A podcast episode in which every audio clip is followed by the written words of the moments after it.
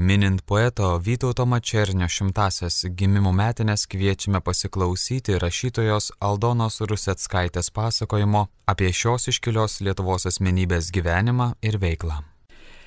Taigi sakau visiems laba diena ir Šiandieną mes pakalbėsime apie jauniausią lietuvių literatūros klasiką Vytautą Mačernį. Beje, dokumentuose jis buvo dviem vardais - Vytautas Leonas Mačernis, bet pripratome, kad tik Vytautas Mačernis. Birželio penktąją dieną Vytautui sukanka šimtas metų. Tas šimtmetis yra, na, toks truputėlį kaip ir stulbinantis dėl to, kad žuvo eidamas 24 metus ir liko visiems mums jaunas labai. Štai šimtas metų dabar būtų, o jo poeziją tebe mėgsta, tebe deklamuoja ir jauni, visai 15-16 metų jaunuoliai ir 90 mečiai ir galbūt 100 mečiai. Dėl to, kad kai manęs paklausė per susitikimus, e, kodėl Vytautas Mačernis yra iki šiol populiarus, tai jis yra dėl to populiarus, kad jis kėlė klausimus, vardan ko aš gyvenu, kokia mano gyvenimo prasmė,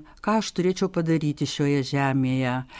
Ir taip toliau, o šitie klausimai kyla mums visiems, kokiu laiku mes begyventume. Todėl ir tokia yra mums artima Vytauto Mačernio kūryba ir jo asmenybė.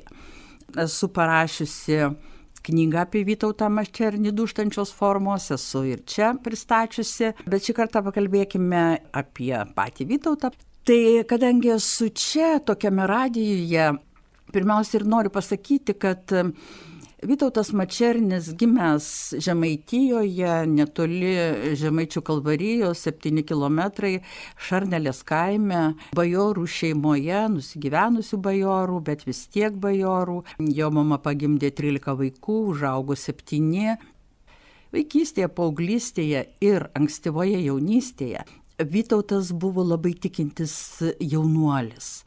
Galbūt tikėjimą jam giliai įdėgė jo senolė, močiutė iš mamos pusės. Senolės vaizdas, kas esate gerai įsiskaitęs į Vytauto Mačernio kūrybą, nuolat iškyla jo žymiam eilėraščių, vizijos, kur jis parašęs yra įžangą, pabaigą ir septynias vizijas. Ten nuolat iškyla senolės paveikslas ir e, ji būtent auklėjo mažą įvituką, labai jį mylėjo, labai su juo draugavo ir tikriausiai pati buvo giliai tikinti ir dėl to Vytautas pradėjęs rašyti eilėraščius, juos pirmiausiai ir skyrė Kristui. Štai aš paskaitysiu kelių eilėraščių po vieną posmelį, nes galbūt kas nors kitas jums eilėraščių paskaitys. Taigi, Vytautui yra 15 metų ir štai kaip jis rašo eilėraštyje - nėra laimės. Aš prie tavo kojų viešpatie ateisiu, vėjais gal atplauksiu prie tavų akių, čia maldoja štyliai žodžiais pasikeisiu, pasiskūsiu Dievę kaip gyvent sunku.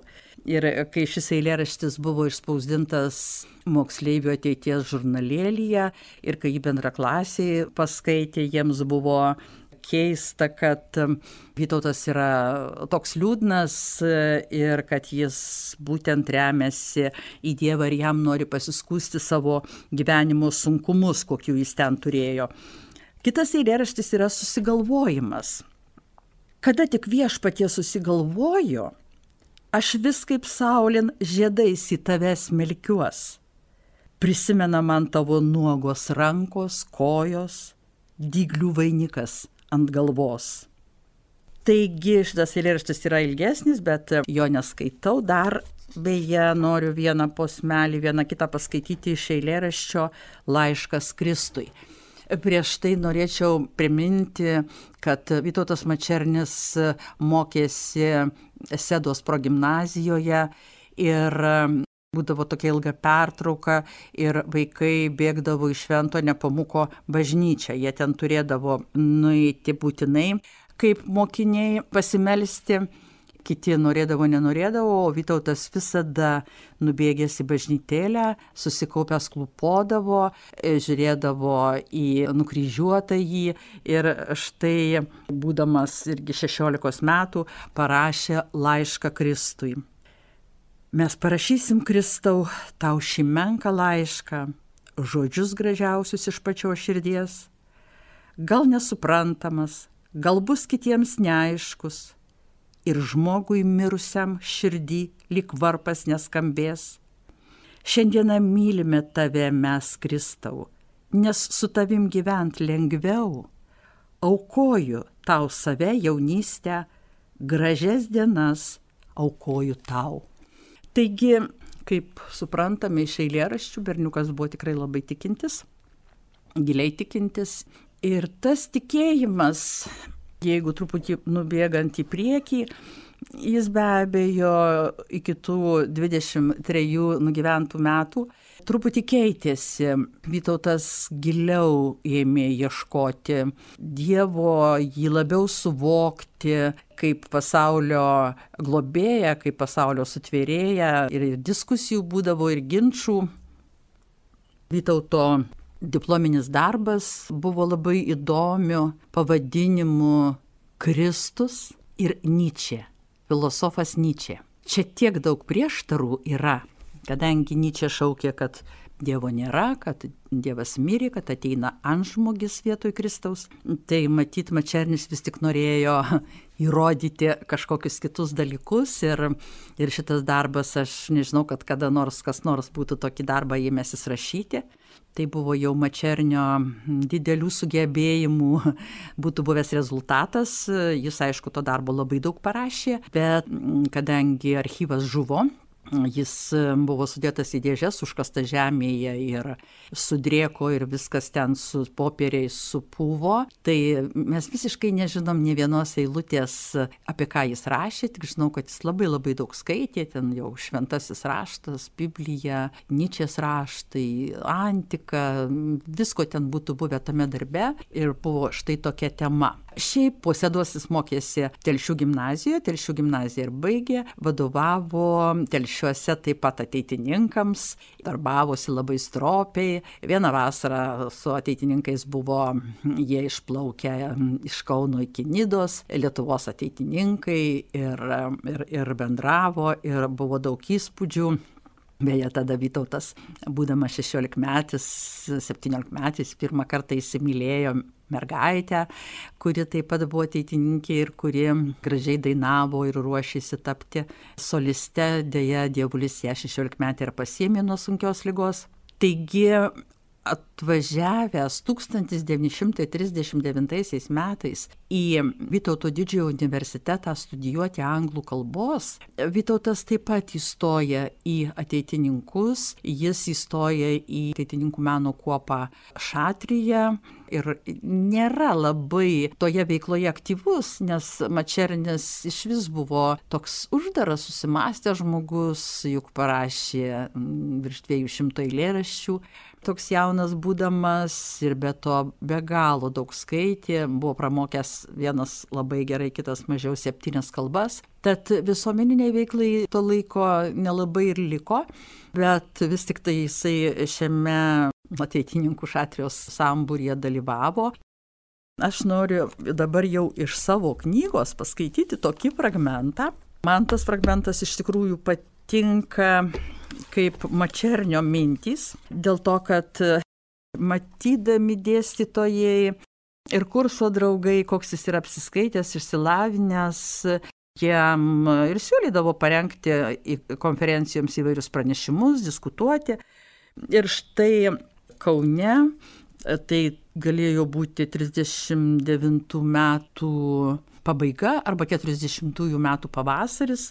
Jis dalyvauja ateitininkų susirinkime ir skaito pranešimą, nes būdavo susirinkimuose diskutuojama įvairiomis temomis. Dabar aš jau skaitysiu puslapį iš savo knygos apie Vytautą Mačernį duštančios formos. Pokalbiuose Vytautas nustebindavo draugus savo žiniomis ir apsiskaitimu. Tuo metu 1939 metais Vytauto didžiojo universiteto rektoriumi buvo filosofas Stasys Šalkauskis. Kartais ir jis užsukdavo pasiklausyti studentų polemikos. Mačernis garbino Šalkauskio filosofinius kūrinius, jam ypač tuo metu buvo artima dvasinio atsinaujinimo programa Gyvoji dvasia. Vytautas nuolat ieškojo gyvenimo atramų, Ši programa kvietė ateitininkus ir visą Lietuvos katalikiškąją visuomenę kreipti dėmesį ne į katalikiškos veiklos kiekybę, bet į kokybę. Mačernį nuo paauglystės rūpėjo būsimo lietuvio inteligento bruožai, siekiai, svajonės ir uždaviniai. Juk jis ir savo kėlė gana griežtus reikalavimus. Tad viename ateitininkų susirinkime jaunasis poetas buvo pakviestas paskaityti pranešimą ir diskutuoti apie tai, kas reikalinga pilnutiniam žmogui. Tai gyvoji dvasia. Studentas teigia, kad nusigrįžimas nuo Dievo yra didžiulė žmonijos klaida, bažnyčia viena nepajėgi įveikti šią dvasios krizę, Šiame procese turi dalyvauti kiekvienas tikintis žmogus, nuo paauglio iki senolio. Ateityje lietuvio kataliko vardas bus vienas svarbiausių. Kažkuris laisvamaniškesnis studentas bandė prieštarauti. Negi tik katalikas gali kurti Lietuvą?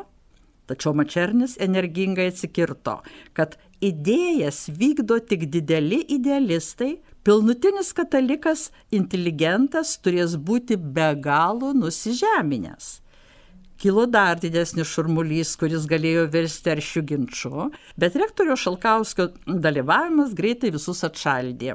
Tuomet Mačernis paaiškino, jog nusižeminimas nesumenkins kataliko vertės. Tai reikia prisiminti Kristų ir viskas bus aišku. Po to dar pareiškė, kad mes esame be galo bailūs. Ir vėl pasigirdo prieštaravimai. Bailūs? Kodėl bailūs? Kokie įrodymai?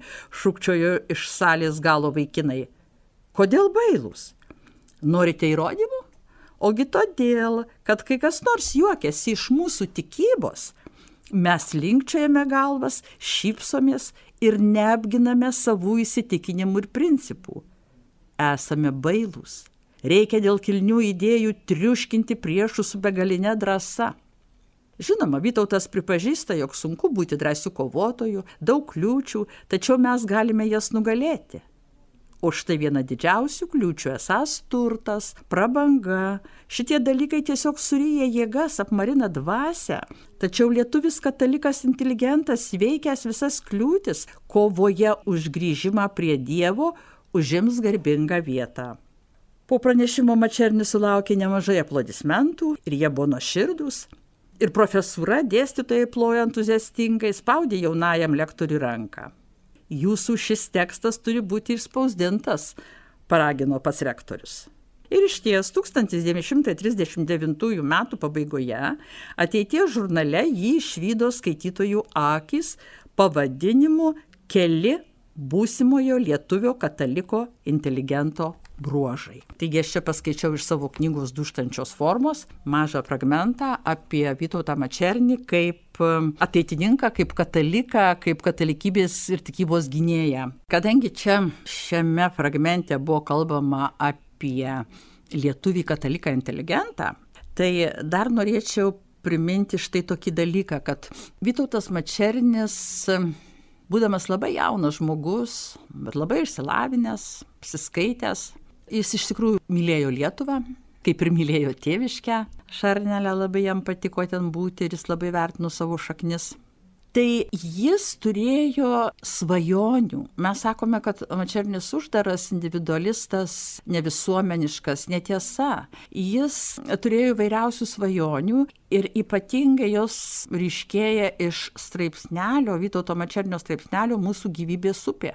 Mačernis daug galvojo apie Lietuvos ateitį ir mokslinosi. Dėl to iš anglų kalbos jis vėliau perėjo į filosofijos studijas Vilniuje, nes anglų kalbą jau mokėjo. Norėjo išmokti kalbų, teikdamas, kad mažos tautos atstovui reikia mokėti daug kalbų ir svajojo štai pabaigsęs Vilniaus universitetą ir jėdu su garsiu tuo metu filosofijos profesoriumi Vosilium Sezemanu nusprendė, kad Vytautas toliau važiuos studijuoti filosofiją į Sorboną.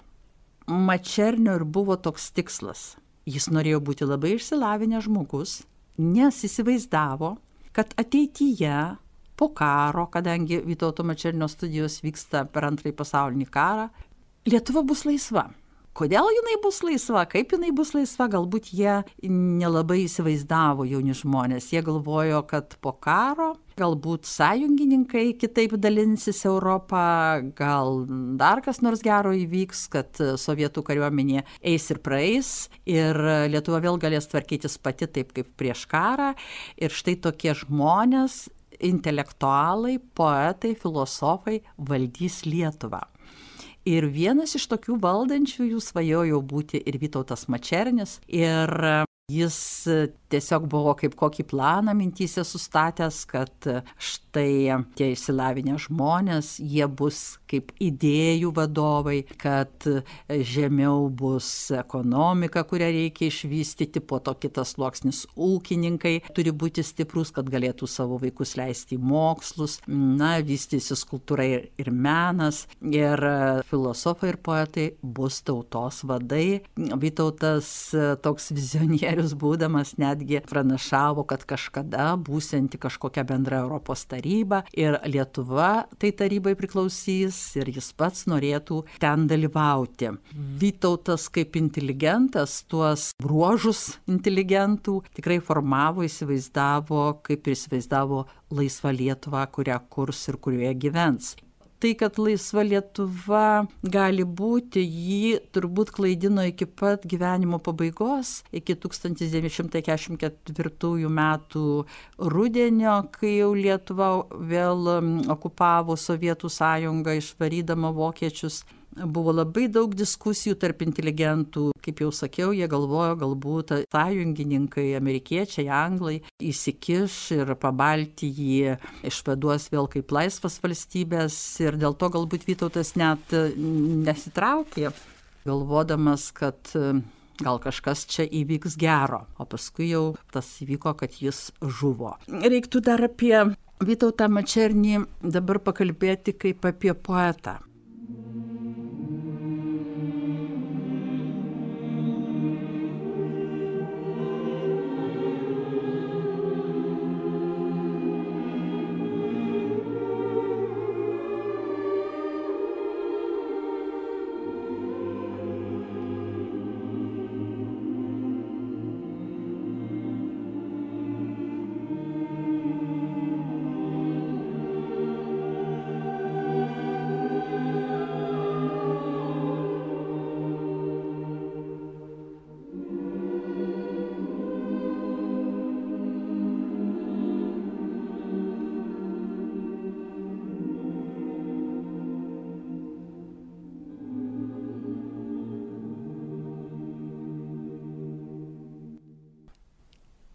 Vytautas, kaip jau aš skaičiau eilėraščius ankstyvuosius, pradėjo eilėraščiais, jam patiko rašyti eilėraščius, jam labai patiko skaityti knygas. Patiko skaityti knygas originalo kalba, jis Telšių gimnazijos gimnazistas, skaito Šekspyrą angliškai, reikia pamokai mažo fragmento, jisai skaito visą kūrinį, jis mokosi vokiečių kalbos, kai pabaigė gimnaziją ir jau ruošėsi stoti į Kauną į universitetą, į Vytauto didžiojo universitetą kažką studijuoti, dar iki galo nebuvo pats nusprendęs. Jis tą vasarą praleido Šarnelėje, pas mamą ir nuėjo į kitą kaimą pasitarti pas tokį jaunuolį Juozą Jurkų, kuris jau buvo vienerius metus mokęsis universitete, kaip stoti, kokiu reikia dokumentų. Ir kiek vėliau, jau po Vytauto Mačernio mirties, e, tas Juozas Jurkus, kuris tapo kalbininku, paskui jį išvežė į Sibirą ir jis ten mirė, jis prisiminė Mačernį, kad kai tas jaunuolis atėjo pas jį, tai, jam buvo kaip koks Aleksandras Makedonietis, kad jeigu dar kokia žemė neužkariauta, tai ją reikia būtinai užkariauti. Kad jis pasirodė jam toks išsilavinęs ir tiek apsiskaitęs, ir tiek daug knygų perskaitęs, ir taip gerai išmanas literatūrą, kad Juozas Jurkus parašė, kad kad jis nebuvo niekada sutikęs tokio gimnazisto, kad po gimnazijos baigimo jau žmogus tiek būtų perskaitęs ir tiek išsilavinęs ir turėtų tokius siekius. Taigi 1939 m. rudenį Vytautas įstoja į Kaune į universitetą ir pradeda studijuoti anglų kalbą. Anglų kalbą jis jau ir taip neblogai moka, jam įdomus ir kiti dalykai. Ir 40 metų rudenį, po vienerių metų, kaip žinome, Vytauto didžiojo universitetą perkelė į Vilnių. Vytautas Mačernis taip pat išvažiuoja studijuoti į Vilnių, bet anglų kalbos jau nebenori studijuoti. Jis ir taip puikiai angliškai skaito ir jau tą literatūrą gana gerai išmano, jam norisi atverti daug platesnės sferas savo dvasiai ir jis pereina į filosofijos sistemą. Taip tuomet vadinamas buvo tas kursas. Ir čia mm, jį visą laiką globoja garsusis profesorius Vosilijus Ezemanas. Ir taip su Vytautu Mačerniu labai įdomiai laikydavo egzaminą. Vytautas nueina laikyti egzamino pas profesorių Sezemaną. Jie du susėda vienas prieš kitą, kaip du lygus filosofai. Sezemanas paklausė, ką jūs kolega skaitėte naujo, pats kažką papasakoja, paspaudžia savo studentui ranką, parašo aukščiausią balą, dar kartą paplanuoja, kad Vytautas važiuosias į Sorboną studijuoti ir taip profesorius priėmė ir suprato šitą savo labai gabų studentą.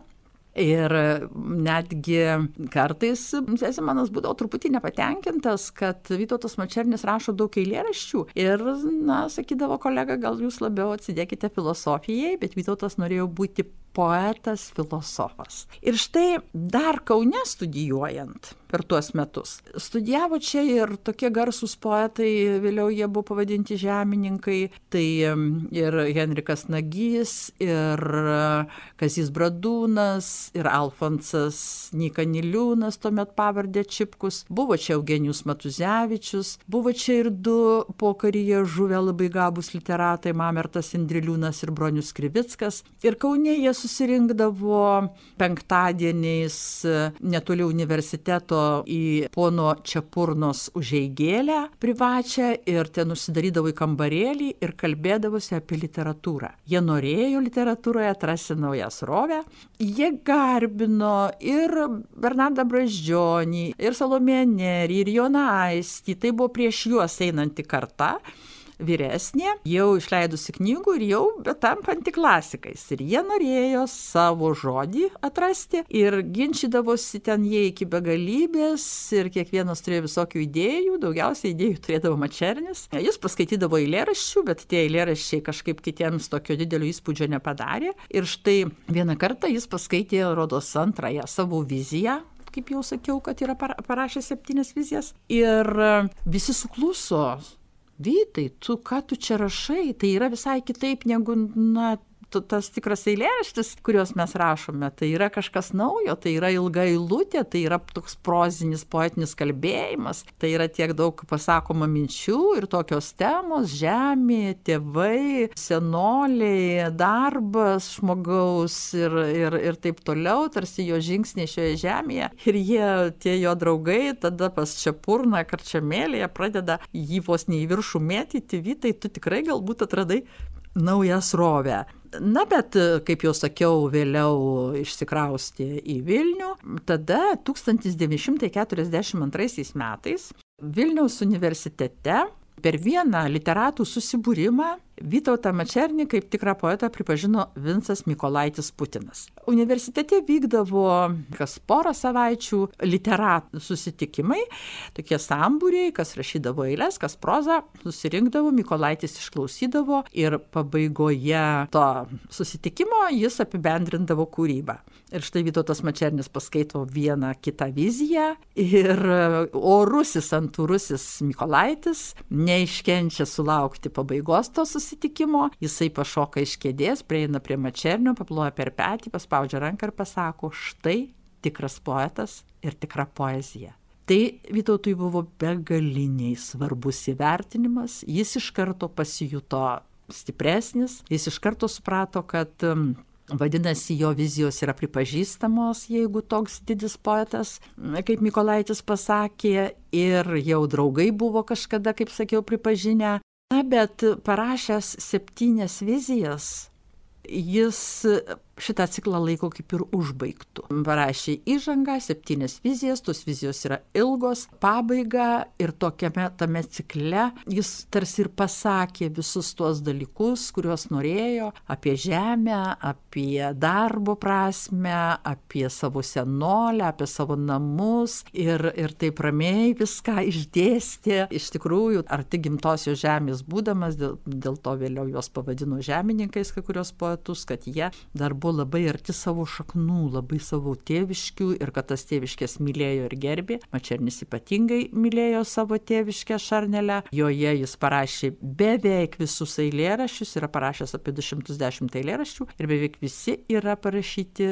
tėviškėje, ten jam ateidavo įkvėpimas. Ir štai po vizijų jis rašė kitus eilėraščius, irgi labai puikius eilėraščius ir Po Vinco Mikulaičio Putino pripažinimo labai visi pastebėjo, dar kurie nebuvo jo girdėję ir jo nesižavėjo, ėmė jo žavėtis ir e, kurso merginos nusirašinėdavo kiekvieną Vytauto eilėraštį. Vytautas buvo atviras savo kūrybai, jis nieko nelaikė stalčių, jis parašo naujų eilėraščių, jis juos atsiveža, jeigu, sakykime, šarnelės po atostogų ir paskleidžia auditorijoje ir kas nori nusirašo, tiesiog užsivedė tokius sąsivinius Vytautą tikrai gerbė ir garbino, Jis galėjo turbūt paskui save vesti studentus, jeigu būtų norėjęs. Jis žavėjo, kaip jau sakiau, savo apsiskaitimu, intelektu, galų gale kūryba, netgi išvaizda buvo elegantiškas, truputį palinkęs, didelių maslių akių, santūrus. Ir štai 1943 m.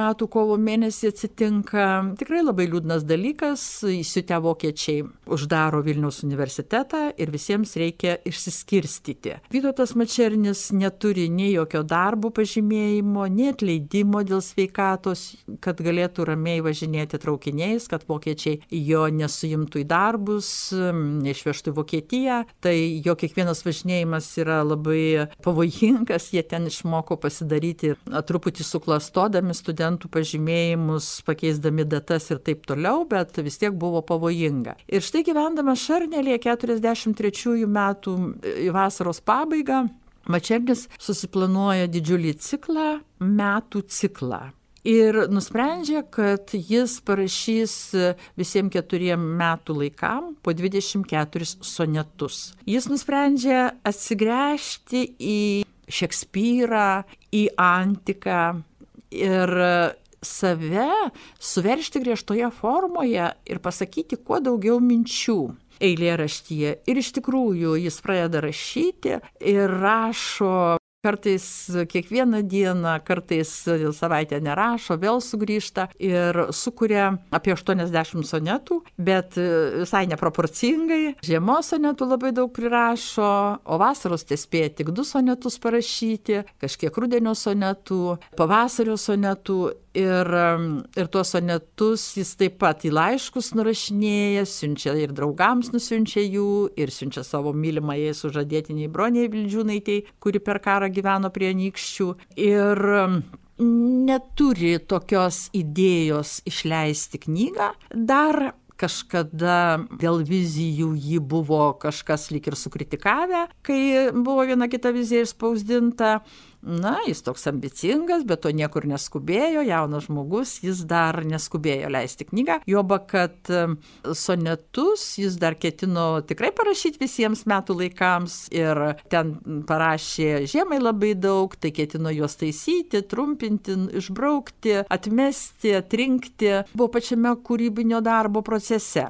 Ir tuomet jo didžiausias triumfas, Vytauto Mačernio didžiausias triumfas ir pripažinimas įvyko 1944 m. kovo mėnesį.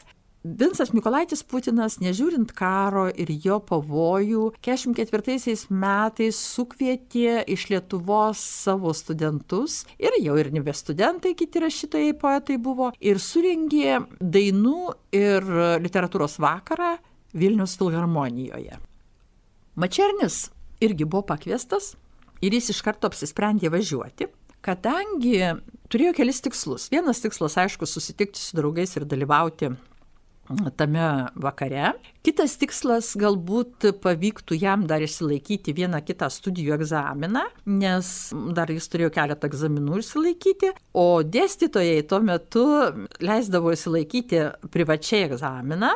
Vinsas Mikolaitis Putinas ar, ar, ar ten Balys Ruogas, sakykime, paskui Balys Ruoga išvežė jau į koncentracijos stovyklą išsilaikyti egzaminą ir pasirašydavo atbulinę datą iki universiteto uždarymo. Tai Vytautas galvojo, gal kokį egzaminą išsilaikys, buvo pasiruošęs. Ir dar viena priežastis labai svarbi jam buvo meilė. Jis buvo labai tikrai pamilęs savo bendrakursę teisės studentę Bronę Vildžiūnaitę galvojo, kad ir jinai atvažiuos iš anikščių į Vilnių ir jie du po labai ilgų mėnesių nesimatymo vėl pasimatys. Deja, Bronė Vildžiūnaitė neatvažiavo, Vytautui sugedo ūpas, jis ir tų egzaminų nelaikė, bet tame literatūros ir dainų vakare jis patyrė absoliutų pripažinimą. Ten buvo tikrai daug rašytojų, ir poetų, ir prozininkų, ir solistų. Ir štai Vytautą Mačernį pakviečia į sceną skaityti, jis skaito savo naujai parašytus trioletus, tai irgi tokia griežta forma parašyti eilėraščiai. Sako, kadaise žemėje buvo daug velnių, kurie norėjo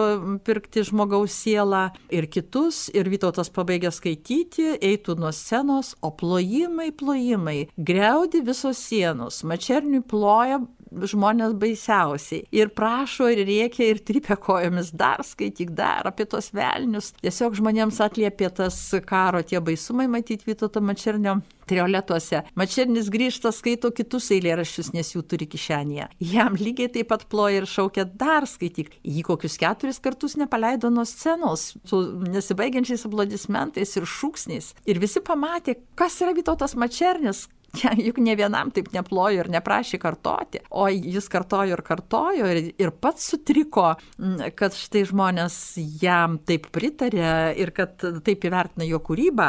Ir tada tikrai prisiminimuose vėliau jo kurso draugai rašė, kad tai buvo tikras Vytauto Mačernio triumfas. Jie tada tą vakarą studentai susirinko kažkur po to renginio, bendrakursių ten buvo ir susėdo ir Vytautas Mačernis jiems mintinai deklamavo vizijas ir mintinai deklamavo sonetus, jis mokėjo savo eilėraščius mintinai, bet buvo gana liūdnas, Jau jį ir karas kažkaip išvarginęs buvo, ir tas buvimas visą laiką namuose, ir kokios čia viltis studijuoti, ir universitetas uždarytas, žodžiu. Na ir ta meilė jo tokia gili ir skausminga, kada su mylimąją negalėjo susitikti. Ir jis išvažiuoja atgal į savo šarnelę po to iškilmingo vakaro ir daugiau jau nebebuvo atvažiavęs į Vilnių, nes čia yra kovo mėnuo, o 44 spalio mėnesį jis žuvo ir jis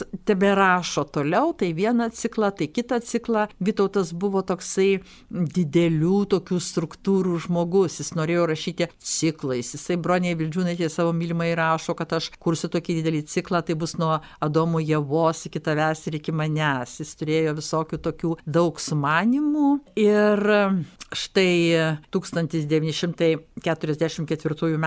vasaros pabaigoje į didelę Mačernių sodybą atvažiuoja nuo karo dar slėptis Panevižio aktoriai Juozas Miltinis režisierius, Donatas Banionis, Vaclovas Blėdis, nes artėja karo pabaiga, visi įsitempę, kažkur reikia e, tūnoti, kad tavęs nerastų vokiečiai ir kažkaip sulaukti tos karo pabaigos ir jie atvažiuoja į Mačerninę, sodyba didžiulė, Na, atsiklausė Mačernienės, ar priims juos. Beje, Vytauto Mačernio tėvas buvo 1938 metais žuvęs, jį subadė jautis ir dėl to Elsbieta Mačernienė viena augino vaikus, nes buvo keturi broliukai gana nedideli. Taigi Mačernienė priima tuos aktorius gyventi, bet juos aišku įdarbina vasarą, daug visokiausių ūkio darbų. Čia tik Juozas Miltinis streikuoja, jisai vaikšto po laukus su lasda ir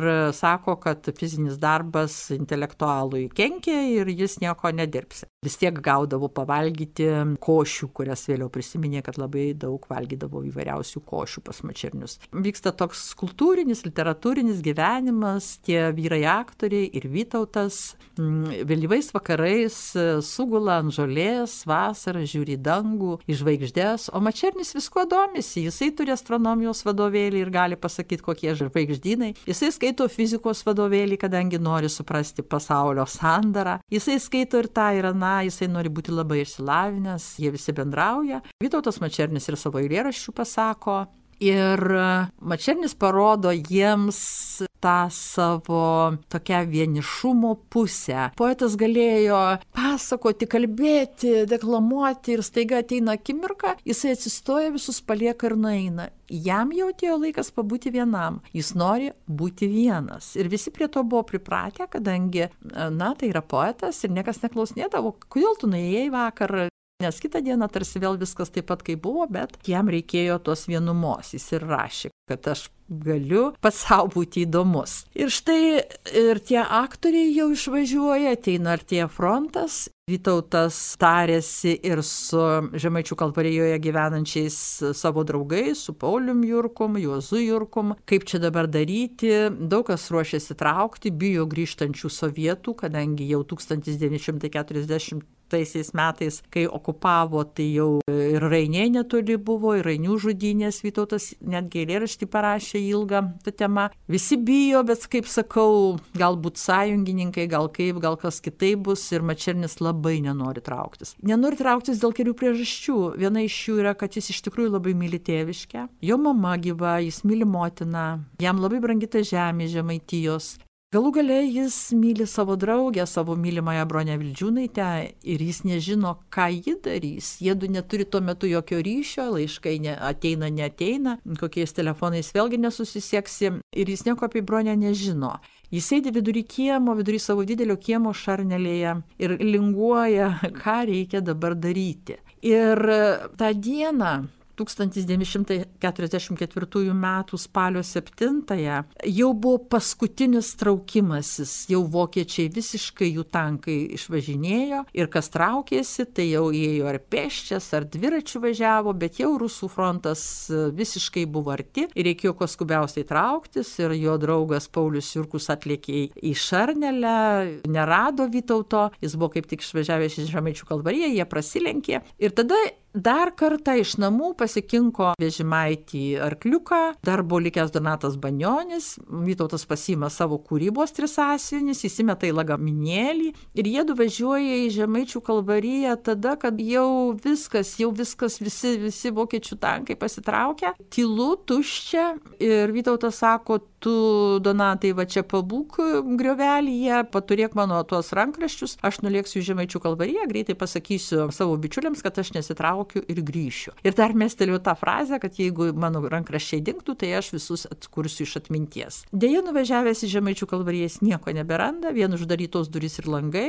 tie, kurie iškeliavo, tai jau iškeliavo, ir jo bičiulis Paulius Jurkus, kiti susislapstė, jis įvažiuoja į Pauliaus Jurkaus sodybą, Jurku vieni pasislėpus bulvių ruselėje verkia kur jos Paulius. Vytautas tada apsisuka ir važiuoja namo į Šarnelę, nes jau nieko nėra, jis taip ir norėjo, kad atsiai tik pasakys ir grįž. Ir tada prie šventosios Veronikos, kuri Kristui nušluosto veidą koplytėlės Žemaičių kalvarijoje, nukrenta labai netoli sovietų kariuomenės iš tanko išmestas sviedinys, jisai sproksta ir skeveldra pataiko Vytautui tiesiai smilkinį, sužeidžia arklį, bet arklys dar turi tiek jėgų, kad apsisuka ir grįžta į Jurkų kiemą, jis ten buvo pripratęs sekmadieniais atvažiuoti. Na ir Vytautas sėdi visą naktį su kniube sulinkęs, miręs vežime, žmonės meldžiasi, ateina pas Jurkų vienę, kad jie nebūtų tai baisu. Paskui atvažiuoja namiškiai kitą dieną, išsiveža jį, ir nusprendžia palaidoti netoli namų už kelių šimtų metrų ant kalnelio, ant žvirinėlio kalnelio, kadangi išvežti į kapines pas tėvą neįmanoma, nes e, sovietų kariuomenė ateina visų pajėgumu ir visur bilda, dunda yra labai pavojinga, palaidoja ten jį laikinai. Žinoma, jis ten ilsis iki šiol, jis labai mylėjo savo tėviškę ir ant to kalnelio dažnai sėdėdavo, tai taip ten ir pasiliko. Ir tik 1970 metais buvo išleista pirmoji Vytauto Mačernio poezijos knyga Žmogaus apnuoginta širdis. Iki to laiko Mačernio nepripažino, buvo pokaris ir ankstyvas, ir vėlyvas. Ir toks žmogus, kuris klausinėja, dėl ko aš gyvenu ir ieško prasmės ir egzistencijos prasmės, jisai sovietiniu laiku buvo visiškai nereikalingas. Sovietinis žmogus turėjo žinoti, dėl ko gyvena. Jis kūrė socializmą, o Mačernis vien klausimus kėlė. Ir pirmą, antrą, kadangi jis žuvo kaip ir traukdamas į vakarus, buvo taip traktuojama, tai vėlgi buvo kaip neigiamas personažas. Ir tik tai tada, kada kada jau mokslininkas Vytautas Kubilius šitą knygą jo sudarė ir išleido, tada staiga visi puolė prie Mačernio, buvo labai daug dar gyvų kurso draugų, klasės draugų, kaimynų, jie labai daug ką papasakojo, užrašė prisiminimų, na, galbūt ir dėl to aš nusprendžiau parašyti knygą apie Vytautą Mačernį duštančios formos, nes iš tikrųjų turėjau labai daug medžiagos ir norėjau tą medžiagą panaudoti, paskelbti, kad visi žinotų ir Maironio lietuvių literatūros muziejuje gana nemažai yra vadinamųjų eksponatų susijusių su Vytauto Mačernio kūryba ir asmeniu ir aš jų pati daug surinkau ir nemažai bendravau su mylimąją, su žadėtinė Bronė Vildžiūnaitė. Noriu pasakyti, jog Bronė neištekėjo už nieko kito, ji nugyveno vienatvėje ir štai tiesiog prieš keletą dienų aš pasiteiravau registrų centre.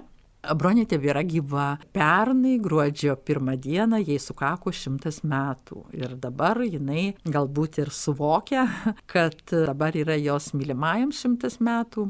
Jie abu jau šimtamečiai. O kai Bronė Vilžiūnaitė paklausė per radiją mano šitos knygos, nes aš labai daug teksto įskaičiau iš duštančių formų, tai man buvo didžiausias komplimentas, kurį jį pasakė jinai sako, kaip čia ta Ruseckaitė taip parašė tiksliai, tarsi būtų kartu su mumis gyvenusi. Tai aš iš ties labai apsidžiaugiau, nes Bronė Vildžiūnaitė gana griežta, jinai neužrašė jokių prisiminimų, jinai sakė, kad Vytauto ir mano meilės reikalas yra tik mūdviejų, bet labai daug ką išsaugojo ir, ir savo gyvenimą jam paukojo, likdama vieniša. Taigi aš dėkoju už klausimą ir linkiu Jums ko geriausios dienos.